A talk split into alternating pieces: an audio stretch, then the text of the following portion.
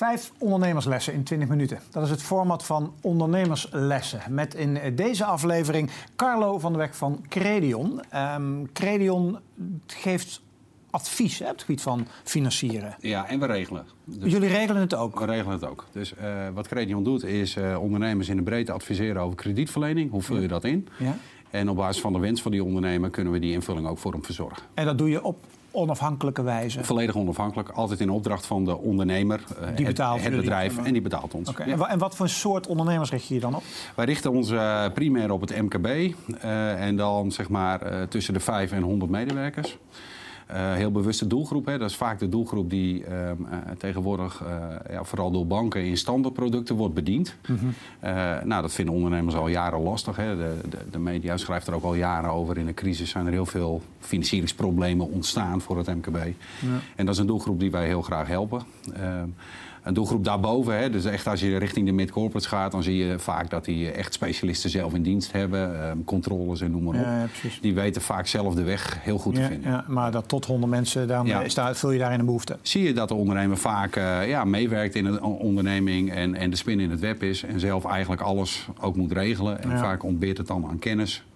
Dus uh, ja, daar kunnen we echt toegevoegde waarde bieden. Vijf lessen heb je meegenomen. Ja. Uh, laten we snel met de eerste beginnen. Bedrijfsfinancieringen anno 2017 zijn maatwerk. Zorg per asset voor de juiste invulling. Wat bedoel je met asset? Dat is al meteen zo'n term. Ja, dat is zo'n term hè, wat, wat wij dan in, in, in banktermen veel gebruiken. Kijk, elke um, um, onderneming heeft een balans en op die balans staat activa, hè, dus uh, bezittingen. Ja. Uh, dat begint vast bij het vaste activa bovenin, gebouwen uh, eventueel. En daarna machines, voorraden, debiteuren, et cetera. Nou, dat zijn de assets van de onderneming. Dat, daar zit de waarde in. Ja. En al die verschillende assets die ging je vroeger ja, netjes financieren bij de Rabobank. Hè. Dan maakte je een afspraak over een uh, hypotheek, een lening, een rekeningkrant. En dan ging je één keer in het jaar op vrijdag een sigaar roken met de directeur. En dan was alles geregeld. Zo werkte het. En uh, anno 2017 is dat dus niet meer. Nee, je rookt geen sigaren meer. Nee, nee. dat ook niet. Maar nee, nee, dat klopt. Dus um, wat ik daarbij uh, bedoel te zeggen is dat je tegenwoordig allemaal niet-spelers hebt die op die verschillende assets een specialisme qua financieren hebben ja, ja. ontwikkeld. He, dus voor debiteuren uh, kun je naar uh, ja, verschillende vormen van factoring, uh, voorschotting op je facturen kijken. Als je kijkt naar machines, dan kun je die op allerlei manieren financieren bij alternatieve partijen. Lease-achtige constructies. Lease constructies. Maar het geldt ook voor vastgoed en panden. Hè. Dat kan je met investeerders doen, met fondsen, maar ook met vastgoedbanken.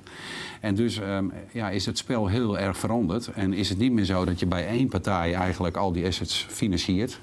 Maar dat je veel meer moet kijken van ja, wat voor assets heb ik nu als onderneming en hoe kan ik dat nu optimaal financieren? Ja, ja welke soorten financiering past daar optimaal bij? Precies. Je noemde net factoring. Um, ja. Ik heb daar ook altijd een beetje zo'n beeld bij van... oh ja, dat zijn van die bedrijven die hebben liquiditeitsproblemen... en uh, oh, we hebben nog één strohalm. Gooi al die facturen maar uh, over, de, over de heg... en dan uh, harken ze het voor ons snel. Dan hebben wij niet van morgen het geld... en dan zoeken zij maar uit met die klantjes van me. Ja, dan komen er allemaal mannen met, met geen haar om het geld op te halen. Ja, is, is dat nog steeds zo? Of is het echt een gezonde manier van financieren? Dat is, het, dat is het eigenlijk niet alleen vandaag de dag, is het al heel lang. Alleen in onze cultuur van oudsher is het zo dat wanneer je bevoorschotting op je debiteuren nodig had... financiering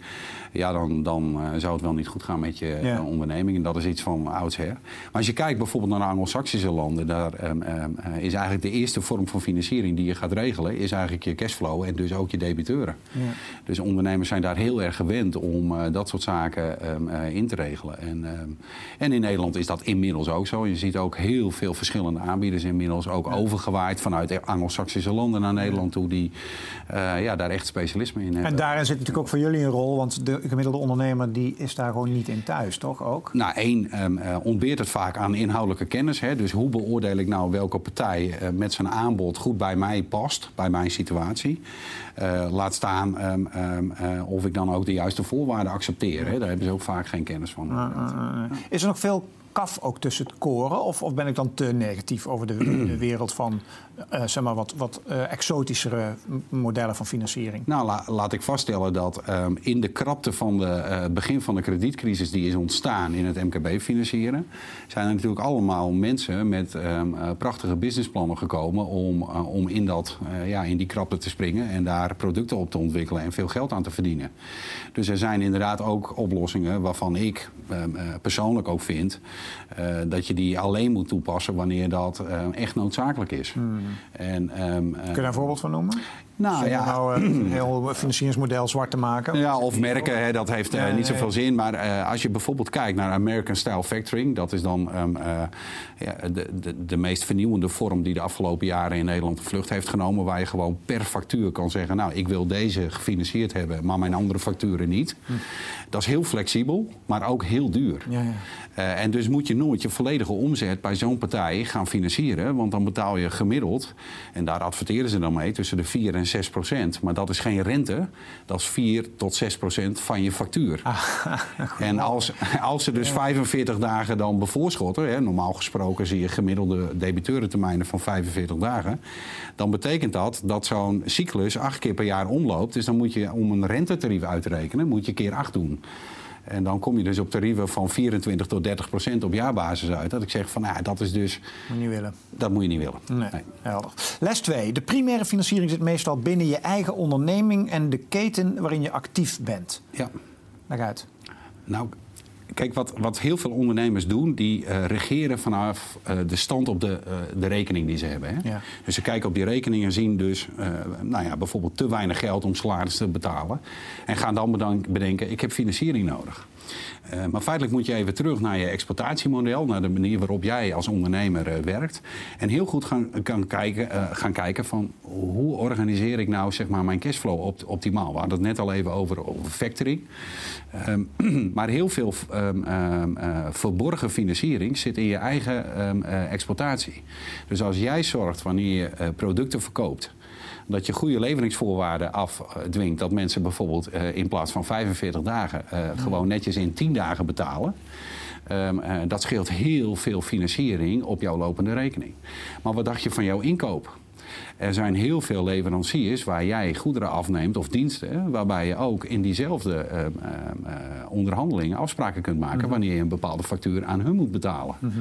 En als je daar nou mee begint en dat goed organiseert, plus het feit dat wanneer die factuur verstuurd is naar jouw klant, dat je dan ook actief beleid voert op het feit dat hij die moet betalen. Hè, en niet te bang moet zijn dat je niet durft te bellen of noem maar op.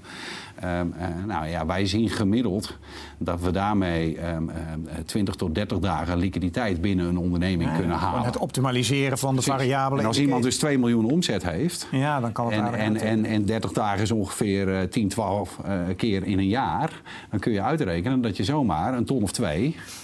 Uh, aan werkkapitaal binnen, uh, binnen, binnen je bedrijf creëert, zonder dat je überhaupt hoeft te financieren. Hè. Dus het financieren aan zich um, um, hoeft niet altijd extern. Hè. Dat begint heel vaak om goed te kijken naar je model en hoe heb je dat nu georganiseerd. En zeker bij bedrijven die al wat langer bestaan, zie je vaak dat ze Um, ja, in vaste procedures werken. En um, uh, uh, mevrouw of meneer van de debiteurenafdeling die doet dat al jaren zo. En um, ja, daar hebben we eigenlijk nog nooit over nagedacht. Mm -hmm. en, ja, ja. Dus in onze analyse en advisering kijken wij ook heel vaak eerst van wie ben je nu als ondernemer, wie ben je als onderneming, in welke branche ben je actief en hoe heb je die zaken georganiseerd. Mm -hmm. Want als je namelijk externe financiering gaat aanvragen, Kijk men ook eerst daar. Kijk men eerst naar hoe goed je dat georganiseerd ja, hebt. Ja, ja, ja, ja. Helder. En de, het blijft wel zo dat als jij een grote opdrachtgever hebt en ik ben een wat kleinere ondernemer. En ik zeg, hé uh, hey, eh, lieve opdrachtgever, zou jij die factuur willen betalen binnen 10 dagen? Dan zeggen er toch wel heel veel van, ja sorry, maar dat is bij ons procedure en je zal toch echt uh, eh, 60 dagen moeten wachten. Oké. Wat moet je dan zeggen? Um, uh, nou, dan moet je dus de commerciële afweging maken. Hè, of je die handel wil doen en tegen welke prijs. Ja. Want wat je heel veel ziet, en er zijn ook, uh, nou, dat is weer zo'n mooie term, trade finance oplossingen tegenwoordig. Dus zeg maar voor die handelsfinancieringen zijn er weer partijen die zich gespecialiseerd hebben om, om zeg maar die, die, die, die cashflow die in die handel zit, uh, om die te financieren en te organiseren voor je met een systeem en afspraken in dat systeem, et cetera. En die zeggen dus van, nou, weet je wat we kunnen doen? Uh, als wij dat voor je mogen organiseren, gaan wij met die corporate, waar je bijvoorbeeld inkoopt, uh, gaan wij zorgen dat je dan, wanneer je snel betaalt, mm. dat je een inkoopkorting krijgt. ja. En, ehm, dus je kan er ook nog weer geld aan verdienen. Hè? Mm. Dus het is niet altijd zo dat laat betalen of laat ontvangen slecht hoeft te zijn voor je business. maar zorg in ieder geval voor goede afspraken, zodat je daarmee ook extern goede financieringsafspraken kunt maken. Het zijn variabelen waarmee je kan werken. Zeker. het optimaal beheren van de geldstromen binnen je onderneming levert vaak ook betere resultaten op bij het verkrijgen van externe financiering. Nou, dat heb je nu in feite al een beetje ja, heb ik uitgelegd. Al, ja, zeker. En, en wat heel veel ondernemers dus vergeten, omdat nou ja, zeg maar deze les ook een beetje te verdiepen, is dat je merkt dat ehm, heel veel ondernemers vanuit emotie die uh, financieringsvraag gaan stellen. Uh, ook bij een financier of bij een algemene bank, et cetera. Die doen niet zoveel met emoties, hè, dat soort eh, partijen. Nee, nee. die gaan dus heel klinisch kijken van oké, nou hoe zitten die historische cijfers in elkaar? Nou, daar zit dan vaak een verhaal omheen van ik had toen een dipje of het zat toen even te tegen, maar dat heb ik allemaal opgelost. Maar dat is nog niet bewezen, hè, dus daar zit heel vaak een discrepantie. Plus, er wordt heel erg gekeken van ja, hoe zit die organisatie, die onderneming nou in elkaar? En hoe sterk is die nou eigenlijk georganiseerd en hoe sterk wordt die gemanaged en hoe afhankelijk is die van die ondernemer of van een managementteam. En al die zaken opgeteld zijn dus eigenlijk een heel belangrijk onderdeel van het wel of niet extern krijgen van financiering. Dus dat, dat haakt heel erg in elkaar. Betekent het ook dat je en sneller, maar vooral ook regelmatiger moet kijken naar je financiële huishouding? Ja, zeker. Omdat, ik kan me voorstellen, het zijn natuurlijk ondernemers. Ik herken het zelf ook een beetje. Het gaat lekker. En je denkt, uh, joh, de zon schijnt. en, uh, die stand op de rekening die laat alles nog toe. Prima, dus we letten vergen. Nou, wat wij veel zien, en dat zou je misschien dan ook niet verbazen, is dat wij uh, voordat we extern financiering gaan organiseren, Um, dus heel vaak dus die interne analyse maken op cijfers, maar ook op die hele softe kant van die onderneming. En zetten dat dus inderdaad ook in een, een uh, ja, uh, een volledig model, een adviesmodel. Uh, en daar komt ook heel vaak een, een soort scenarioanalyse naar de toekomst uit. Op, op cijfermatige um, basis, maar ook op die softe kant. Hè. Dus wat gebeurt er in die markt en wat betekent dat voor jou binnen die markt? Hmm. En ehm, wat je heel vaak ziet is dat rapport hebben wij nodig om financiering te regelen. Maar die ondernemer die vindt dat eigenlijk nog veel interessanter om ook zelf op te gaan sturen. Hm. En um, uh, dus die, die combinatie is um, uh, voor hem heel interessant. En wat, die, wat, wat, wij vaak zien, ook in het huidige financieringslandschap, is dat banken al lang niet meer zeggen: Nou, ik wil één keer per jaar jouw jaarrekening ontvangen. Want dan heb ik een beetje gevoel hoe het met je gaat. Maar steeds meer alternatieve financiers die stellen dat als voorwaarde. Die zeggen, nou, ik wil gewoon op kwartaalbasis van jou een rapportage ontvangen. Want ik loop risico um, uh, op die uitzetting bij jou. En ik wil um, daar gewoon gevoel bij houden. Um, ondernemers schrikken daar soms van. Hè. Die denken, ja, maar weet je, heb ik daar wel zin in? Maar aan de andere kant, wanneer ze dat dan een aantal kwartalen gedaan hebben... zeggen ze, god, dat is heel handig. Want ik krijg zelf opeens inzicht ja. wat ik nooit heb gehad. Ja. Een periodieke APK. Ja, ja, klopt. Ja, uh, de vierde die je hebt meegenomen. Maak bij investeringsplannen altijd de afweging tussen eigendom en of gebruik voor het beste resultaat. Wat bedoel je daarmee? Nou, wat je ziet is dat um, uh, van oudsher uh, was het altijd zo van, nou ja, um, uh, denk aan mijn eigen grootouders. Hè, die kochten een huisje en dat moest in 20 jaar afgelost worden, want dan was dat huisje van jezelf en dat was een onderdeel van je pensioen. Ik heb nooit begrepen dit. Maar nee, nee maar want, want, het zijn stenen, toch? Maar dan kun je goedkoop wonen. Ja. ja.